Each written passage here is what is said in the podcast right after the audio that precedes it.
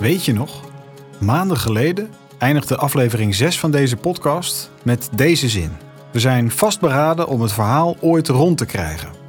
Floris van Dijk, hoofdonderzoek bij Nationaal Monumentkamp Amersfoort en ik, Jordi Hubers, zijn blijven zoeken naar Walter Heinrich. Want dit verhaal laat je namelijk niet los. Als je hier eenmaal aan begint, blijft het je in een stevige greep vasthouden. We zijn in een verhaal getrokken waarbij we, met serieuze beperkingen, zoeken naar kruimeltjes. Naar administratieve aanwijzingen in bergen papierwerk in vele archieven over de hele wereld. En naar overleveringen van ooggetuigen. En als je heel goed zoekt, met het nodige geluk en een klein beetje wijsheid, vind je misschien wat. En wij hebben weer wat nieuwe vondsten.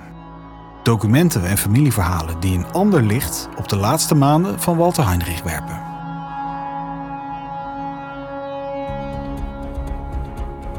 Dit is De Verdwenen SS'er. Een podcast waarin we proberen te achterhalen wat er na de oorlog is gebeurd met Walter Heinrich. Oorlogsmisdadiger, massamoordenaar en grondlegger van een van de gruwelijkste concentratiekampen in Nederland. Hij verdwijnt in de laatste maanden van de oorlog. Onvindbaar. Spoorloos. Mijn naam is Jordi Hubers en samen met Floris van Dijk ga ik op onderzoek uit. Op zoek naar een onbestrafte oorlogsmisdadiger. Aflevering 7. Van Hoof tot Heinrich. Je bestemming bevindt zich aan de linkerkant.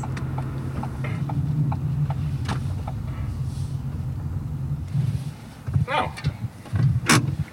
Schön. We zijn in het plaatsje Hoof in de Duitse deelstaat Beieren. En dat heeft alles te maken met een administratieve vondst waar ik net over sprak. Eerst even een korte recap. Walter Heinrich, wie was dat ook alweer? Geboren in 1910 in Mislovic. Hij is grondlegger van kamp Amersfoort en verantwoordelijk voor het systeem van honger, dwangarbeid en mishandeling. Als kampcommandant voert Heinrich met vier collega's de op één na grootste massa-executie in ons land uit. De executie van 77 Sovjet-krijgsgevangenen. Na kamp Amersfoort werkt hij op het hoofdkantoor van de Sicherheidsdienst in Den Haag. Daar is hij, blijkt uit ons onderzoek, onder andere belast met een geheime Reichssache. Namelijk om honderden Nederlandse verzetsmensen te selecteren en naar beruchte nacht- en nebelkampen te deporteren. Om daar te worden vermoord. In november 1944 is hij bevorderd tot Hauptsturmführer. Dat wil zoveel zeggen als kapitein.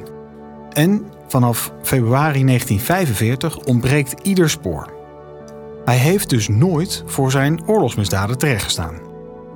We hebben in de vorige afleveringen acht scenario's behandeld wat er mogelijk met Heinrich gebeurd kan zijn.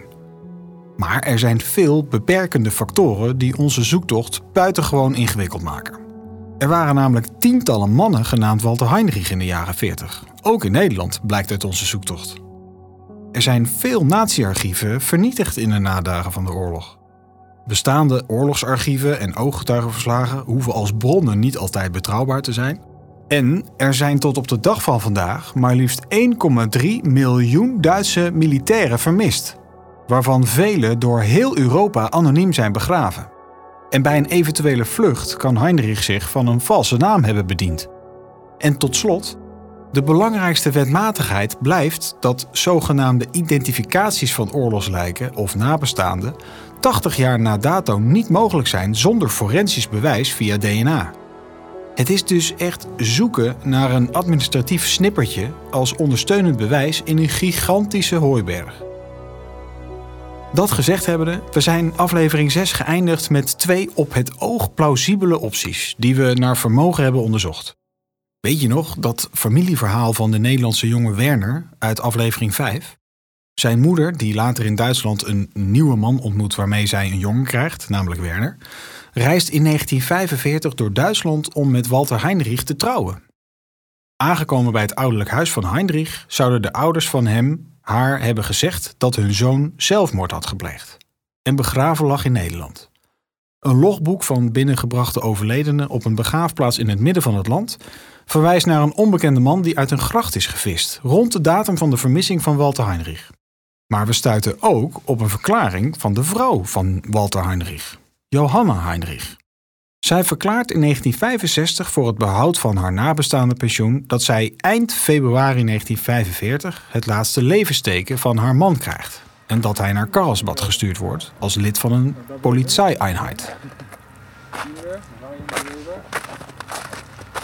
Maar wat doen we dan nu in het Beierse stadje Hoof?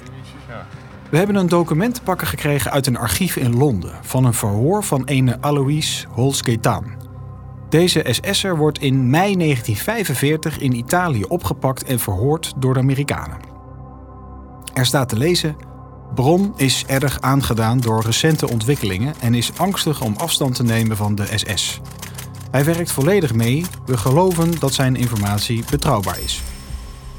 En wat is het geval? Hij heeft vanaf juni 1941 op dezelfde plek gewerkt in Den Haag als Walter Heinrich. Zij waren naast de collega's op het hoofdkantoor van de Ziegerheidsdienst. In 1944 is Holzketaan overgeplaatst naar Italië. Daar verklaart hij gedetailleerd over zijn toenmalige collega's en beschrijft Heinrich twee keer. Heinrich, Walter, SS-Obersturmführer en politieinspector. In Den Haag werkzaam op referaat 4C van 1943 tot midden 1944. Daarna zagarbeider in referaat 1 A2 op het Reichssicherheitshauptamt in Berlijn. 35 jaar, getrouwd. Adres Oppel. En later verklaart hij dat Heinrich in februari 1945 ook in Berlijn zat. En hij voegt er nog aan toe: één kind. Vraagteken. Dus vanaf juni 1944 is Heinrich overgeplaatst naar het Reichssicherheitshauptamt, het algemene hoofdkantoor van de SS in Berlijn. Dat betekent dan ook dat hij niet mee is verhuisd vanuit Den Haag naar Zeist, waar het hoofdkantoor van de Ziekenhuisdienst Nederland naartoe werd verplaatst. We hebben ook informatie gevonden dat de afdeling in Berlijn, waar Heinrich bij diende, rond februari-maart 1945 naar het Beierse stadje Hoof zou zijn verhuisd. En na bombardementen in februari en april wordt de stad op 15 april 1945 ingenomen door de Amerikanen. En daarom is het begin van onze reis in Duitsland hier, op een begraafplaats in Hoof, met grote velden met ruim 450 Duitse oorlogsslachtoffers. Goedendag. Hallo, goedendag. Hallo. Hallo. Jordi Ubers. Hallo. Roosendijk, hallo. We zijn uit de Nederlanden. Ja. Uh, we maken een toonaafname. Mm. Uh, we leggen uit wie we zijn en wat we zoeken. Behulpzaam loopt de beambte van de begraafplaats mee om aan te wijzen waar de velden met oorlogsslachtoffers zijn. Hmm. Uh, ich kann Ihnen mal die Kriegsgräber zeigen. Wir haben äh, mehrere Felder. Uh -huh. Also wir haben äh, im Prinzip ja, eins, ja, vier Kriegsgräberstätten hier. Ähm, ich zeige Ihnen mal die. Vielen Dank. Hm? Vielen Dank. Dit lijkt me inderdaad. Uh, dit lijkt me inderdaad oorlog. Ah. Da kann ich mal schauen, ob ich in den Unterlagen irgendwas finde. Also Walter Heinrich haben Sie gesagt. Walter Heinrich, hm. geboren 2. Januar äh, 1910 hm. in äh, Mieslowitz. Okay. Ja. Schauen. Wir gucken uns hier, wir schauen uns hier herum hm. und dann. Äh, Kommen Sie einfach mal bei mir vorbei. Vielen Dank, okay, nogmaals. Vielen Dank. Vielen Dank. Vielen Dank. Even kijken, want uh, even kijken. dit zijn dus Duitsers. Ja, deze kruis hier vooraan is Eerste Wereldoorlog. Ja, die, maar die stenen erachter is weer Tweede Wereldoorlog, geloof ik? Ja, en hij zegt net, uh, dus dat, uh, het, uh, er zijn er een aantal dus inderdaad wel gepersonificeerd. Hè, die zijn dan veel ervan ook in het ziekenhuis hier overleden. Dus daar was de identiteit wel van bekend. Maar er liggen dus ook een aantal anoniemen tussen. Dus dat, dat weten ze gewoon niet. nou, laten we ze maar gewoon even langs gaan dan. Ja, even een rondje maken. Zo. De beambte gaat de oude archieven bekijken. En Floris en ik de graven. Dit, dit, is gewoon, dit is dus gewoon een begraafplaats in een vrij kleine stad. En als je al die graven ziet die verbonden zijn aan de Tweede Wereldoorlog, dat is toch niet normaal? Dat is echt niet normaal. En dit is nog maar vel 12. Ik bedoel, uh, dat zegt ja. genoeg hoeveel vel, vel die hebt. Oh, man. Ik kan niet echt uh, overlijdensdatum uh, zien. Hier, deze is... deze goed zichtbaar. Oh ja, 1944. Heinrich Schneider. Ja. Obergefreiter. Ja. We vinden geen Walter Heinrich. We lopen het kantoor van de beambte binnen. Hij vindt wat onbekende soldaten, maar die komen niet overeen met de verdwijningsdatum van Heinrich. Soldaten. Also hauptsächlich auf dem Grabfeld 14 habe ich mehrere. Ähm, ich habe äh, zumindest äh, Sterbedatum haben Sie keins, oder? Nee, nee, nee, verschollen, verschollen ab äh, Februar. Also wir haben keine genaue Sterbedatum. Nee. Gut, also ich habe hier einen unbekannten Soldaten, habe noch einen unbekannten Soldaten. Floris vraagt nog of hij weet of het Rijkssicherheidshauptamt daadwerkelijk in Hoofd gevestigd was in de laatste dagen van de oorlog. Hij heeft geen idee. Hij belt met de plaatselijke gemeentearchivaris, Dr. Arndt Kloege. Floris krijgt de telefoon doorgegeven. Darüber ist hier einfach nichts gegangen, weil sich sowas nicht in den Unterlagen eines Kommunalarchivs niederschlägt. Okay, nou, das ist ganz äh, klare Antwort. Vielen Dank für Ihren Zeit. Ich bedanke mich herzlich natürlich. Tschüss. Tschüss. De Sicherheidsdienst of het Rijkssicherheidshauptamt aan het eind van de oorlog in Hoofd gestationeerd? In Hoofd kunnen ze ons niet verder helpen. Ganz klar. Vielen Dank. Nou, vielen Dank nogmaals. Ja, okay. Auf Wiedersehen. Vielen Dank. Auf Wiedersehen. Tschüss. Wiedersehen. Danke. Wat zei eh, dokter Kloege aan de telefoon? Dr. Kloeger, die is eh, stadsarchivaris. En die zei van ja, dat herken ik niet. Ik weet niet eh, dat er hier een afdeling of de hele eh, ziekenhuisdienst eh, naartoe gestuurd zou zijn. Eh, dat vindt zich natuurlijk ook, eh, dat ga je ook nooit terugvinden in de eh, stadsarchieven van zo'n stadje als dit. Dus eh, dat zei hem eh, verder niks. Hij zei ja, we weten wel dat hier eh, vluchtelingenstromen doorheen zijn gekomen. En eh, eh, natuurlijk ook inderdaad heel veel militairen eh, uiteindelijk ook wel zijn omgekomen. Duitsers, nou dat hebben we al gezien op het eh Friedhof zelf. Nou, duidelijk. Het is tijd om door te rijden. We rijden verder door Duitsland voor een hele bijzondere ontmoeting. Aan het eind van aflevering 6 krijgen we contact met de zoon van Walter Heinrich. We beloven hem informatie over zijn vader te geven, als hij daar behoefte aan heeft. Dat wil hij wel. Floris stelt een rapport op van zes pagina's en wijst nogmaals op ongemakkelijke details, omdat er ook oorlogsmisdrijven in voorkomen. Daarna blijft het weken stil. En dan volgt een mail van de zoon van Walter Heinrich. En hij nodigt ons uit voor een gesprek. Benieuwd staan we oog in oog met de zoon van Walter Heinrich. Een bijzonder fitte man van 78 jaar staat voor ons. Ongeveer 1,80 meter. Een forse, niet echt onderhouden grijze snor. Een hippe rode leesbril en een oorbelletje in zijn linkeroor. Hij gaat ons voor in een gebouw waar de tijd heeft stilgestaan. Een gebouw waar de alumni van zijn studentenkoor nog altijd samenkomen en waar verschillende ruimtes lijken op middeleeuwse feestzalen. We nemen plaats in een kleine bibliotheek. Hij heeft onze komst zeer goed voorbereid. We worden ontvangen met pretzels en appeltaart. Äh, ich habe hier äh, eine Butterbrezel. Das ist eine süddeutsche Spezialität. Das ist ein Laugengebäck. Äh, das kennt man, glaube ich, in den Niederlanden nicht. nein. Und das ist äh, Appeltat.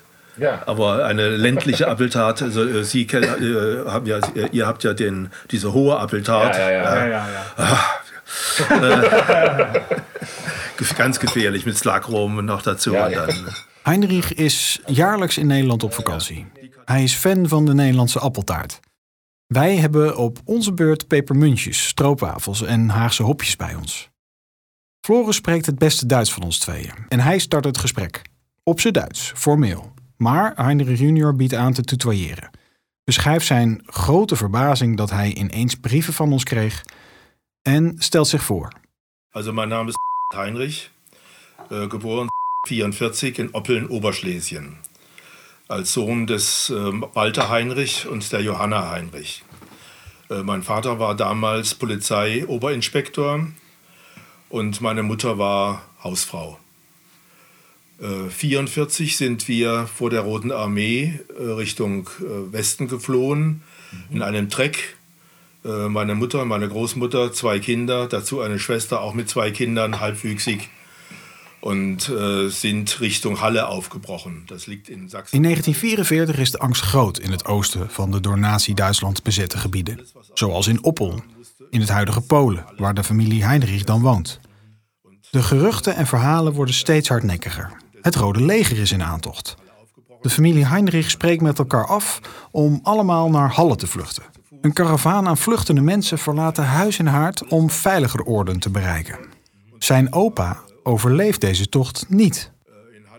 Heinrich junior heeft drie studies afgerond. Daarna heeft hij jarenlang een eigen restaurant gehad en tot zijn zeventigste doorgewerkt. Maar de wetenschap heeft hij nooit losgelaten. Zelf heeft hij een privécollectie van 10.000 boeken, vertelt hij. Nu doet hij onderzoek naar de omgang met Joodse studenten door de studentenvereniging in zijn woonplaats. Hij blijkt een goedlachse, alternatieve, sociaal bewogen man en zegt een beetje nerveus te zijn voor deze ontmoeting. Und äh, ich sehe jetzt diesem Interesse entgegen. Einer gewissen Spannung auch, das ist klar, aber auch mit großem Interesse und Freude. Und ihr, ähm, ihr Schwester lebt auch noch, haben Sie mir erzählt? Ja, ja. Also, äh, Die ist gesundheitlich aber angeschlagen und äh, De zus van Heinrich, dus de dochter van Walter, leeft ook nog. Maar is helaas in slechte gezondheid en niet in staat om zich bij dit gesprek te voegen. We vragen Heinrich de vlucht van de familie nog te verduidelijken. Een heftige periode voor het vaderloze gezin.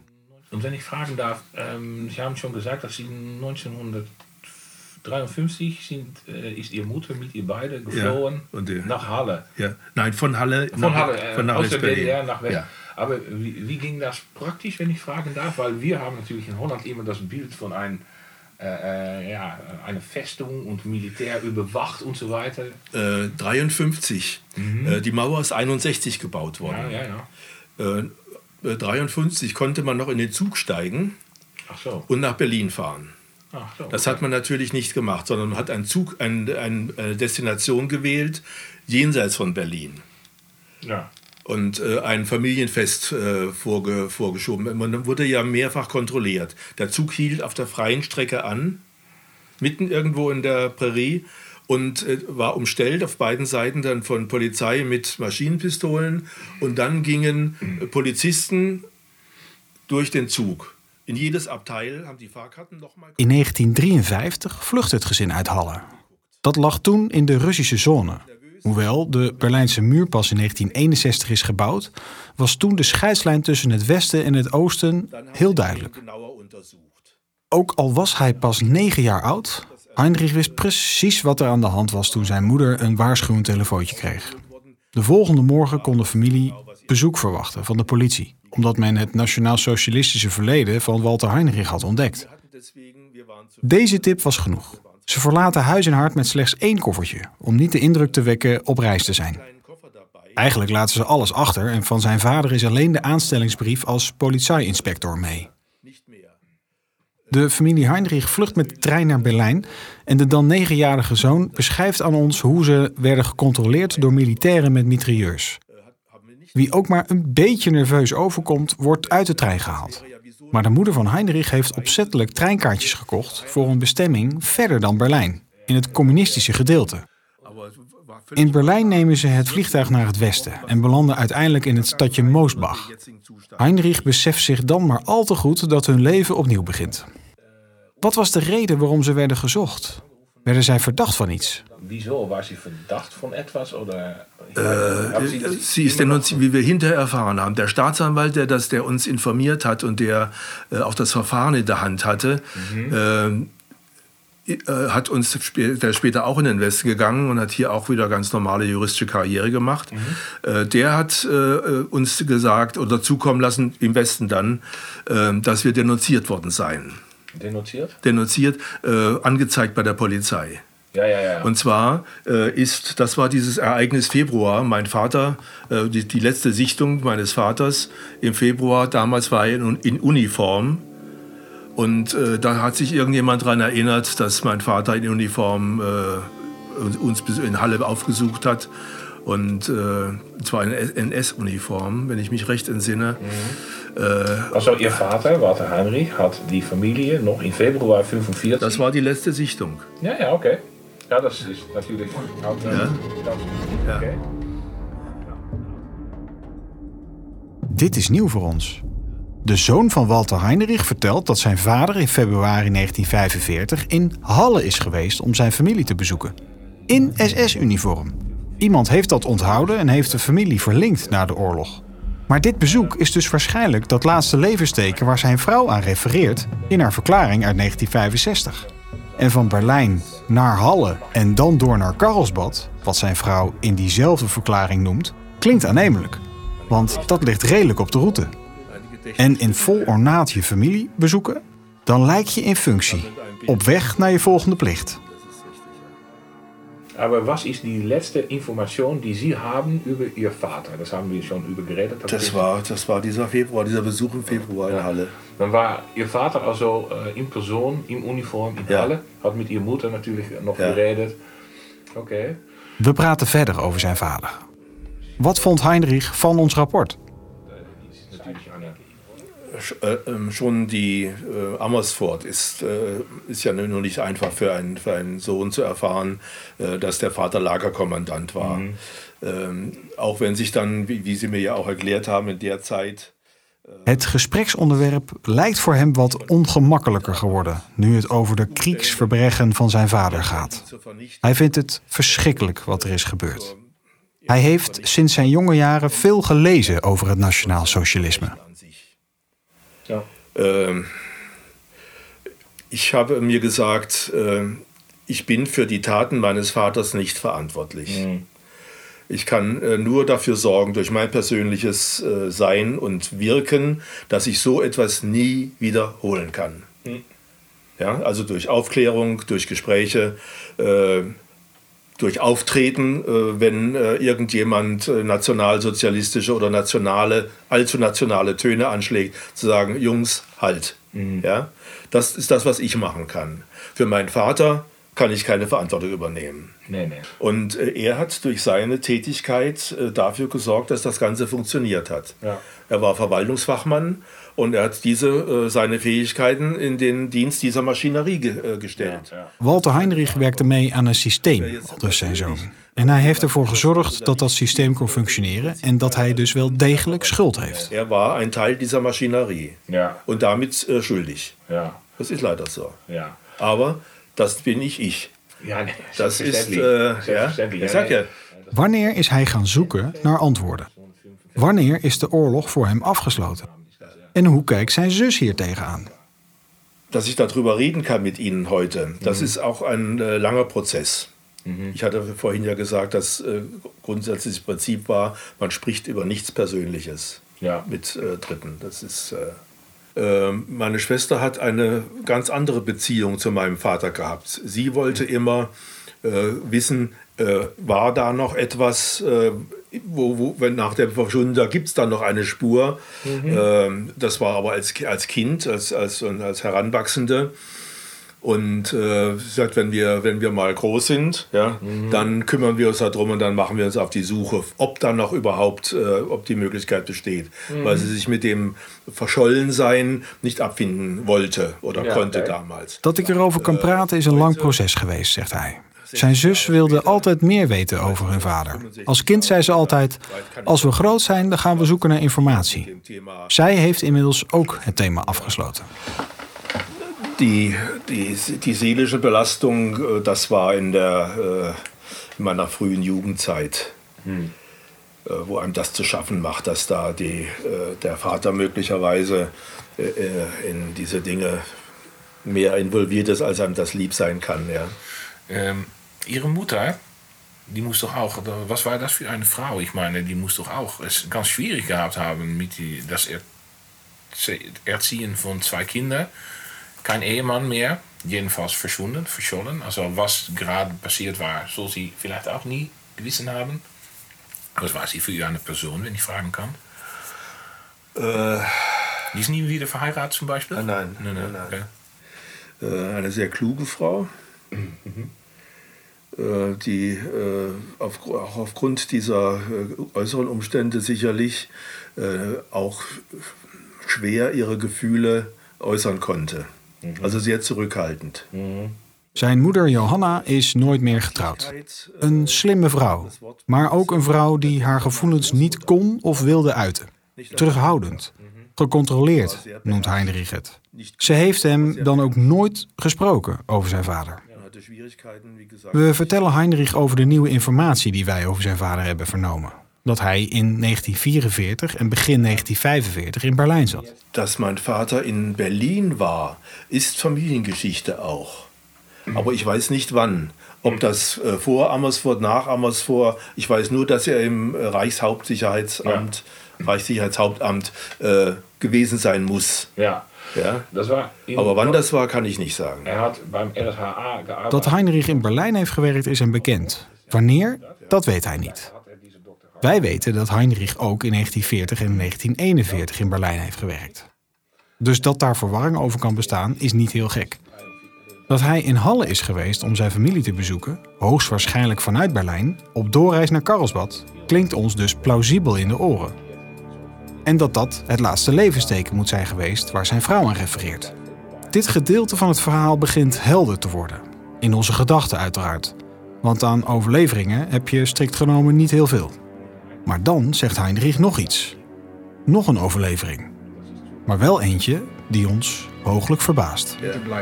Ja, hinterbleibende Rente. Äh, dann sagt sie buchstäblich, äh, Ende Februar habe ich das letzte Nachricht bekommen, er sollte äh, äh, geschickt werden worden nach Karlsbad. Ja, Karlsbad ist auch eine, eine Familiengeschichte. Äh,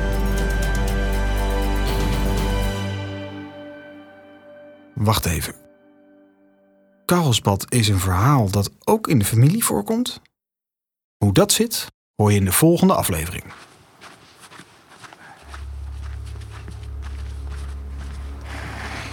Oh, Deutschen Soldaten, kijk eens. In diesem Friedhofsteil Teil ruhen deutsche Soldaten. en vrouwen? Männer, Frauen und Kinder, die in Berlin ihre Heimat hatten. Ach zo. Dit was aflevering 7 van De Verdwenen SS'er. Maar voordat we afronden, eerst nog even dit. Eind april verschijnt een nieuwe podcast, getiteld Oorlogswond. Tijdens de Tweede Wereldoorlog hebben bijna alle Nederlandse artsen zich verenigd in verzet tegen de nazi's. Hoe werkte deze verzetsorganisatie? Welke acties ondernamen de artsen? Wat waren de successen? Welke dilemma's speelden voor hen? En hoe kijken hun nabestaanden er nu tegenaan? Is hun oorlogswond geheeld? Abonneer je op de podcast De Verdwenen SS'er. En wij houden je op de hoogte wanneer de podcast Oorlogswond live staat. Deze podcast is geproduceerd door I.O. voor Nationaal Monument Kamp Amersfoort. Wil jij meer weten over Kamp Amersfoort of Walter Heinrich? Bezoek dan het nieuwe ondergrondse museum over het voormalige concentratiekamp. De mixage en eindedit is gedaan door Frederik Middelhof van Podcast Guru. De muziek is gecomponeerd door Bouke Hennepman.